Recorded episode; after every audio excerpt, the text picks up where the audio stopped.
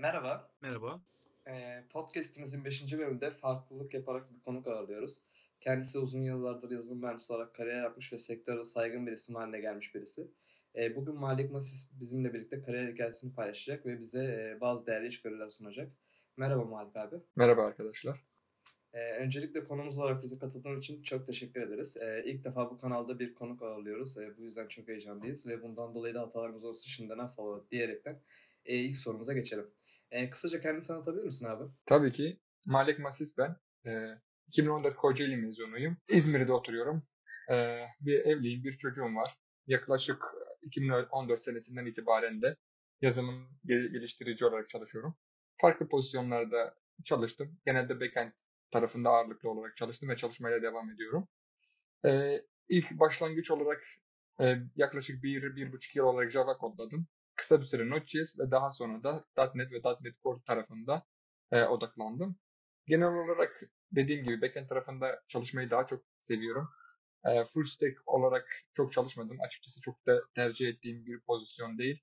Ben kendi adıma işte sadece backend'de ilerlemeyi e, daha yani dibe dalmayı kendi açımdan daha iyi değerlendirdiğim için backend developer olmayı elimden geldiğince tercih ediyorum. Ama tabii ufak tefek de yine kaçamaklar oldu.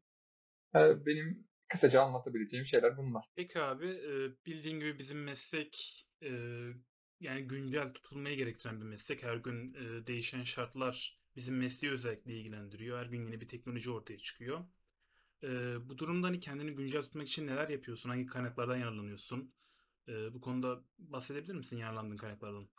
Ee, tabii ki bahsedebilirim. Ya aslında bahsetmeden önce şunu söylemekte fayda var. Yani sizin de dediğiniz gibi bizim sektör gerçekten e, biraz zor, bazen de acımasız bir sektör haline gelebiliyor.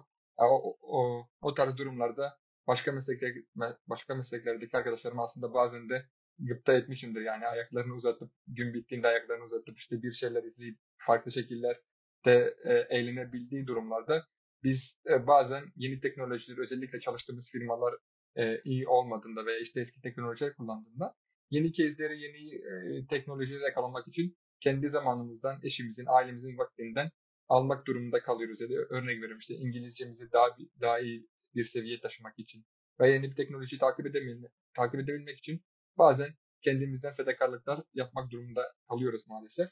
Ya bunu da yapmanın e, farklı yolları var tabii ki ama yani bence asıl odaklanılması gereken şey biraz arzu ve biraz da e, işte e, çalışkanlık. Yoksa zeka tabii ki önemli ama bence burada çalışkanlık ve hevesli olmak, yaptığı işi seviyor olmak çok güzel bir duygu. Yoksa bizim meslekte de yani e, 9-6 çalışan e, arkadaşlar yok mu? Tabii ki var. Ama bu işte biraz da e, şey yani yaptığın işi ne kadar sevdiğinle alakalı.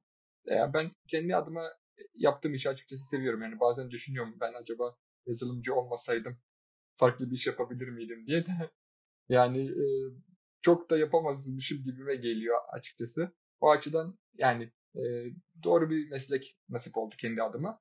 Ha, şey tarafına gelirsek hani nasıl kendimi güncel tutuyorum e, tarafına gelirsek e, takip ettiğim açıkçası bazı isimler var. Yani bu isimler hem Me- Medium tarafından işte ya da blog post hmm, blog tarafında işte farklı blog tarafından veya işte YouTube'da ünlü ta, yani çok böyle e, nam salmış. LinkedIn'da olsun aynı şekilde. Takip ettiğim bazı insanlar var. O insanları elimden geldiğince takip etmeye çalışıyorum. Yani bu takip ettiğim insanlar genelde .NET dünyasından oluyor ama farklı e, taraflardan da ya sadece .NET dünyasından değil farklı teknolojilerle de çalışmış bazı insanları takip ediyorum. O tarz durumlarda aslında yani .NET 10 dünyasından değilse biraz daha e, girişimcilik tarafında, biraz daha management tarafında ve işte e, test, unit test, integration test tarafı gibi e, şeylerle yani genel konularla e, takip etmeye çalışıyorum o insanları. O insanların yolundan gittikleri, aktardıkları şeyleri elimden geldiğince takip etmeye çalışıyorum. E, benim aklıma gelenler herhalde kabaca bunlar. Çok teşekkür ederiz abi. Ee, kendini güncel tutmak için neler yaptığından bahsettin. Ee, ekstra olarak da e, dediğin gibi e, ekstra vakit harcadığını, hevesli olduğunu vesaire belirttin.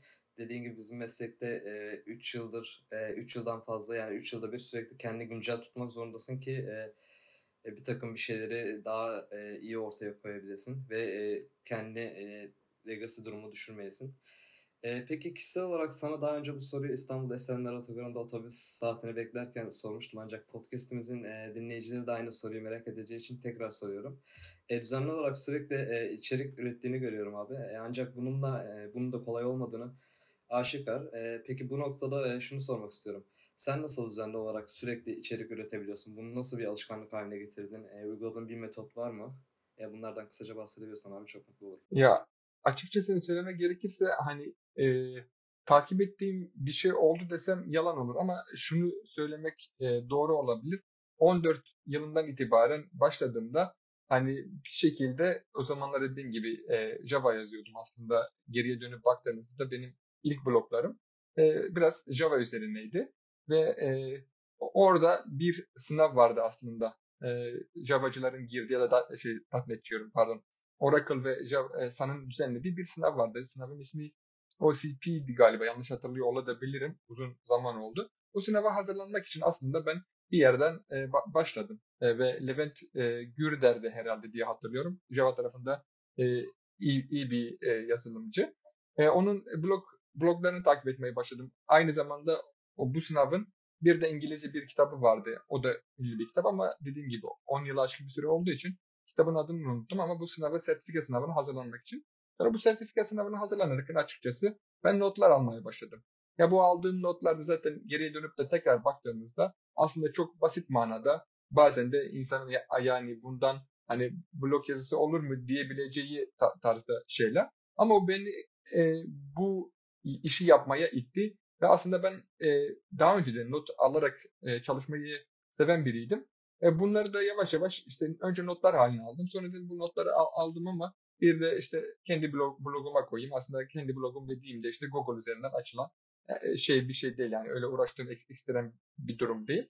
Oraya paylaşarak, eee, başladım. Hatta, eee, hevesimi kıracak durumlarla da karşılaştım. İşte, ya bunlar ne biçim blog, çok basit, işte, falan, bu herkesin bildiği şeyler tarzı, he umut kırıcı, heves kırıcı şeylerle de karşılaştım. Yani genç yaşta insanın hevesi kırıldı mı bazen toparlayamayabiliyor ama çok şükür ben çok da etkilenmedim. Hani, ben her zaman bir de, eee, belki iddialı ya da hoş olmayan bir laf olacak ama daha iyisini biliyorsanız siz yazın ben de okuyayım diyorum böyle diyenlere. Hani, bu işe gönül vermiş, eee, bu işe gönül vermiş, eee, arkadaşlarıma na nacizane tavsiye edebileceğim budur. Yani belki çok iyi şeyler yazmıyor ola belki çok iyi şeyler yazmıyor olabiliriz. Yani eyvallah ama bildiklerimizi paylaştığımızda, yani geriye dönüp kendimiz de onlara bakabiliyoruz veya, işte, eee, bizim yazılarımızı okuyarak başka insanlar da yararlanabiliyorlar. Hatta ve hatta çoğu zaman bu yazılarımızı, yani kendi adıma söyleyeyim, bu yaz ben birçok yazıyı yazarken, eee, birçok da araştırma yapıyorum. Örnek veriyorum, işte, bir konuyla ilgili 5 şey biliyorsam 5 şeyi de araştırdığım şeylerden öğreniyorum ve, eee, bu öğrendiklerimi elimden geldiğince toparlamaya çalışıyorum. Eee, öğrendiklerimi, yani öğrendiklerimiz veya yazdıklarımız zaten, eee, ne derler ona, hani, ilk defa ortaya çıkan bilinmeyen şeyler değil. Sadece daha iyi anlaşılabilir ve daha değerli toplu olması açısından, eee, elimden geldiğince paylaşmaya çalışıyorum.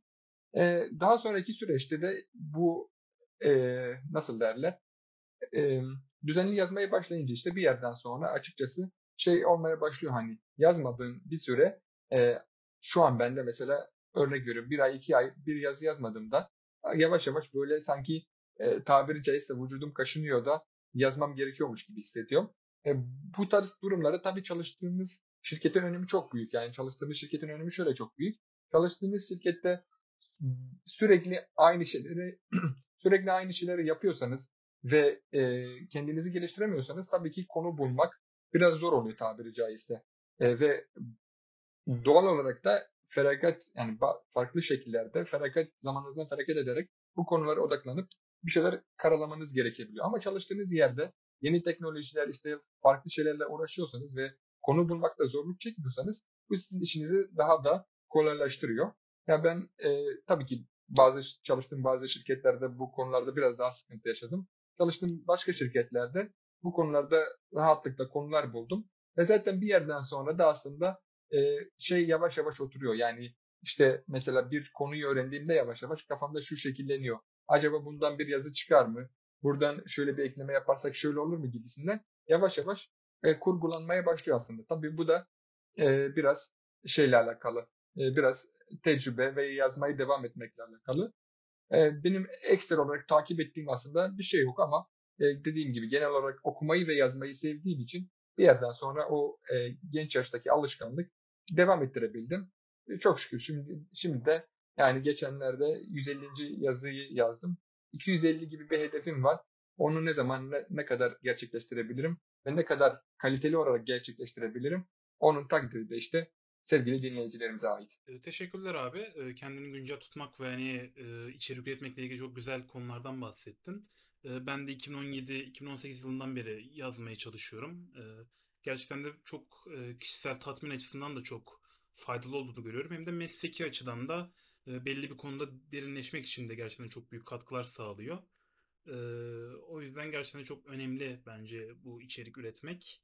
Çünkü yalnızca içerik tüketen değil aynı zamanda üreten de olmak lazım ki bunun zorluklarını birazcık daha anlayalım. Okuduğumuz veya ürettiğimiz içeriğin kalitesini arttıralım diye düşünüyorum. E, bu noktada e, artık bence birazcık da iş hayatıyla ilgili hani sorulara geçebiliriz diye düşünüyorum. E, yakın zamanda bir iş değişikliği gerçekleştirdin abi. E, şirket değiştirirken e, hangi koşullara dikkat ettin? Senin için neler önemliydi? E, kıstasların e, neler? E, kısaca bunlardan bahseder misin? Buna cevap vermeden önce bir önceki soruda soruya dönmek istiyorum kısaca. Ee, söylediklerine kesinlikle katılıyorum ve zaten hani ikinizi de e, tanımam veya ikinizle de tanışmam aslında yine sizin de Medium üzerinde yazmanızla ortaya çıktı aslında. Yani bunun böyle de bir güzel yanı var. Hem Engin Cansen'i hem de Berkan'ı yazdığınız yazılardan tanıştım ve daha sonra birlikte de çalışma fırsatımız oldu çok şükür. E, o açıdan hani aslında ne kadar güzel bir iş yaptığımızı belki de ufak bir göstergesidir. Diğer soruya geçtiğimizde e, diğer soruya geçtiğimizde ise e, aslında insanın belirli dönemlerde belirli şeyleri ön plana alabiliyorlar. Yani e, demem o ki e, insan biraz daha gençken ve özellikle işte bekar vakti varken daha fazla çalışıp yani e, parayı öncelikli duruma alıp e, yani biraz daha paraya odaklı çalışabilir. Yani paraya odaklı derken tabii ki kariyer, işte çalıştığımız teknolojiler vesaire e, tabii ki önemli. Ama hani bazı şeyler işte tamamen %100, %0 gibi e, tabii ki yapmıyoruz ama %60, %40 veya %50, 50 de yapabiliyoruz. Bu tarz e, genç, biraz daha genç dönemlerde yakın tabiri caizse enerji varken o zamanlarda e, tabii ki farklı önceliklerde bulunabiliyoruz. Yani juniorken daha çok öğreneceğin bir yeri tercih etmek en mantıklısı. E, para ve işte rahatlık tabii ki yani bana göre ikinci, üçüncü seviyelerde olmalı. Biraz daha tecrübe kazandıktan sonra belki de e, parayı bir üst aşamaya koyup işte e, yavaş yavaş örnek veriyorum biraz dinlenme ihtiyacı hissedebilirsiniz. E, tabii ben şu an evliyim, bir çocuğum var. Evlenip çoluk çocuğu sahibi olduktan sonra da şu an ben 32-33 yaşlarındayım. O zamanlarda da aileniz sizin için çok daha değerli olabiliyor. Yani e, ben halen çok çalışıyorum. Bazen onları ihmal ed- ihmal de ediyorum maalesef. Bu durumu açıkçası da sorguluyorum. Yani doğru mu yapıyoruz, yanlış mı yapıyoruz? Çünkü bu giden zaman tekrar dönmeyecek. Arkaya dönüp baktığımızda acaba daha çok ailemizle zaman geçirmeli miydik diye de düşünmüyor değilim. Bunu da samimi olarak ifade etmekte fayda var. O yüzden dolayı e, iş değiştirmelerimde yani belirli dönemlerde belirli şeyleri takip ettiğim oldu.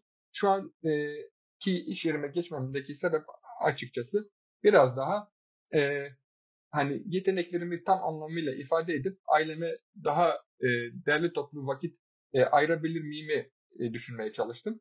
Ve o şekilde bir karar ver, verdiğime inanıyorum. Ya bunu başı doğru olup olmadığını açıkçası söylemek gerekirse şu an tabii ki anlamayız.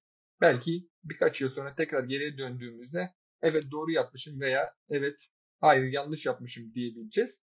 Ama dediğim gibi genel olarak kesin bir doğru olmamakla birlikte bazı dönemlerde bazı şeyler daha öne çıkıyor.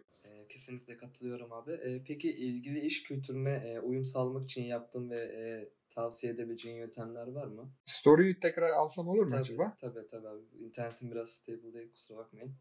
Peki e, yani şimdi mesela e, iş kültürüne yeni işe geçtiğinde e, iş kültürüne uyum sağlamak sonuçta oranın bir kültürü var. Ona uyum sağlamak için yaptığın veya tavsiye edebileceğin e, yöntemler var mı? E, yani şöyle tabii ki insan geç, geçtiği yerde e, bazı şeyleri takip etmesi e, gerekiyor.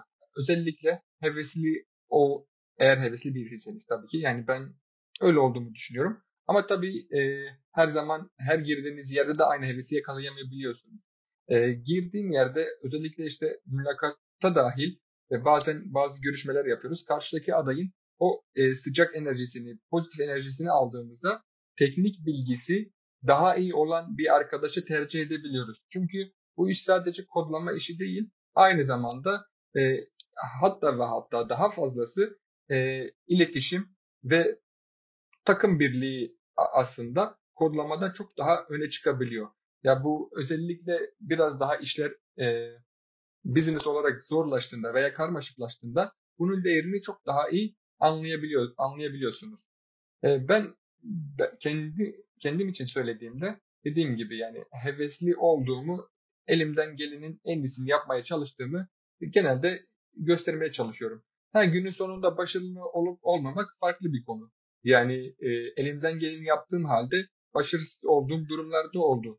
E, hem genç dönemlerde hem sonraki dönemlerde de oldu. Ama hiçbir zaman şunu e, şunun vicdan azabını yaşamadım. İşte ben daha iyisini yapsaydım belki farklı şeyler olabilirdi diye açıkçası bunun vicdan azabını hiç yaşamadım. Ben hep e, gönül rahatlığıyla elimden gelenin en iyisini yapmaya çalıştım. E, ve elimden gelenin en iyisini yaptıktan sonra e, olup olmamasını açıkçası çok da e, umursamadım. Yani gerisini Allah'a tevekkül ettim ve o, oluyorsa vardır bir hayır, olmuyorsa da başka bir hayır vardır diyerekten e, elimden geleni yaptım. Bu durumda ben sadece şunu naçizane tavsiye ede, edebilirim. Elimizden geleni samimi bir şekilde yapıyorsak zaten bu bir şekilde görülecek. Başarılı olup olmamak ise dünyanın sonu değil. En azından bence öyle. Teşekkürler abi. Ee, konuşmayı sonlandırmadan önce son olarak abi senden e, genç yazılımcılara ve sektöre e, yeni giriş yapan veya yeni giriş yapacak olan e, kişilere dair e, verebileceğin tavsiyeleri dinlemek isterim. E, yeni başlayan arkadaşlara kendi tecrübelerini ve iş yaşamını e, göz önüne alarak e, nasıl tavsiyelerde bulunursun? Hani şunu keşke yapmasaydım veya bunu iyi ki yaptım dediğin e, yeni mesleğe adım atacak kişilere verebileceğin tavsiyeler var mıdır? Ee, yani tabii ki küçük küçük tavsiyelerde insan e, bulunabilir. Fakat yani hepimizin vereceği tavsiyeler aslında o kişinin nezdinde de olabiliyor.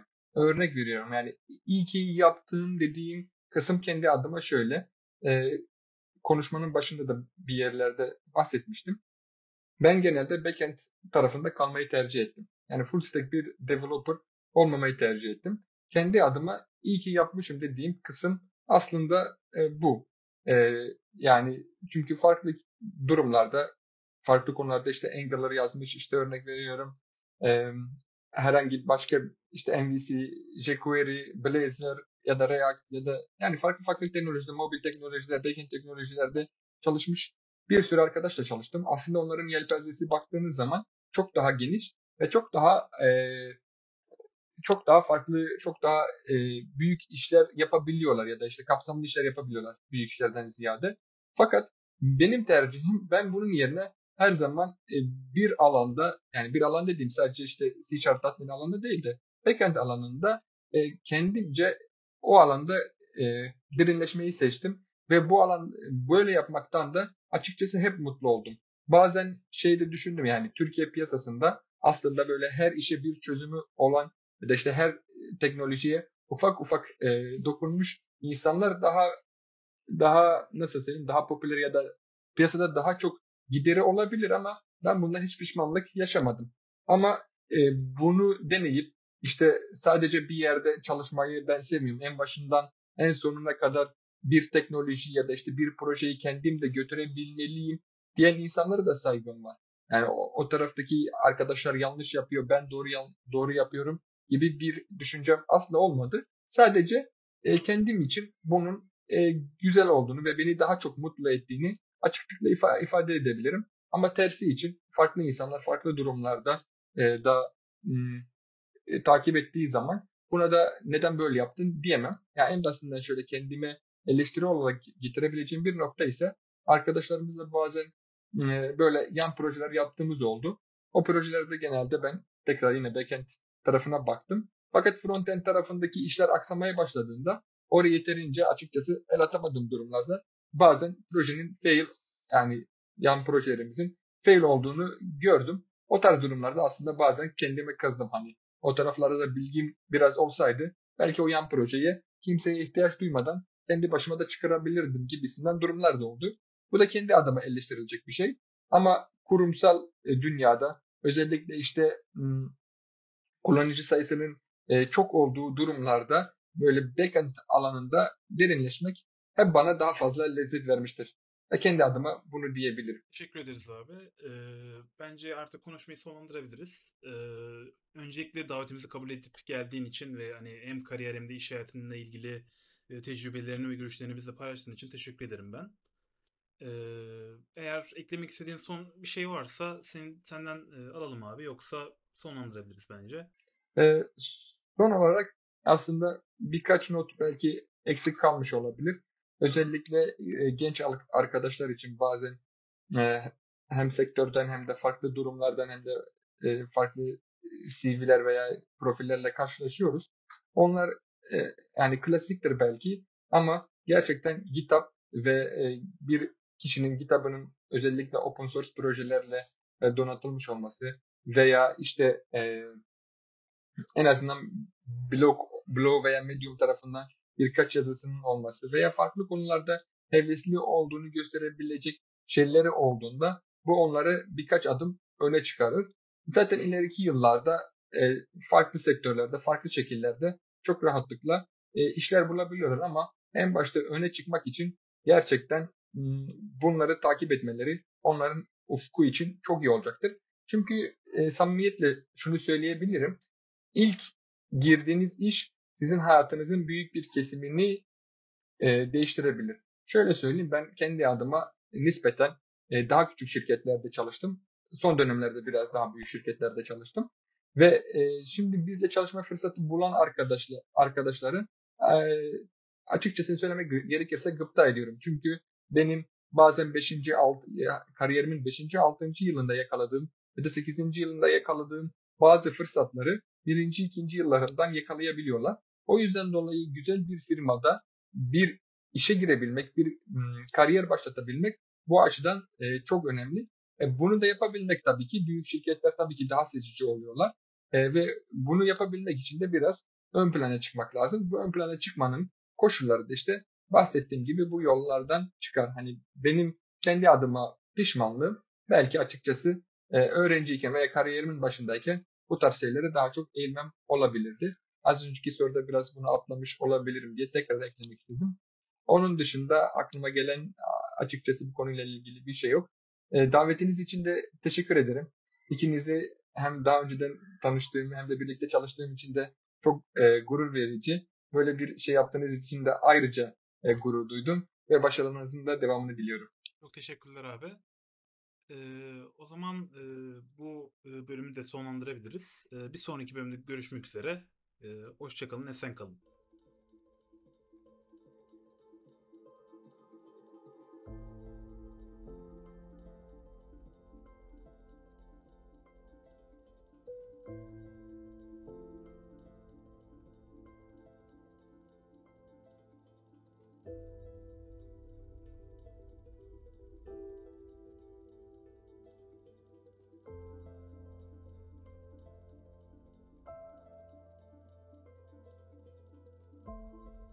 Música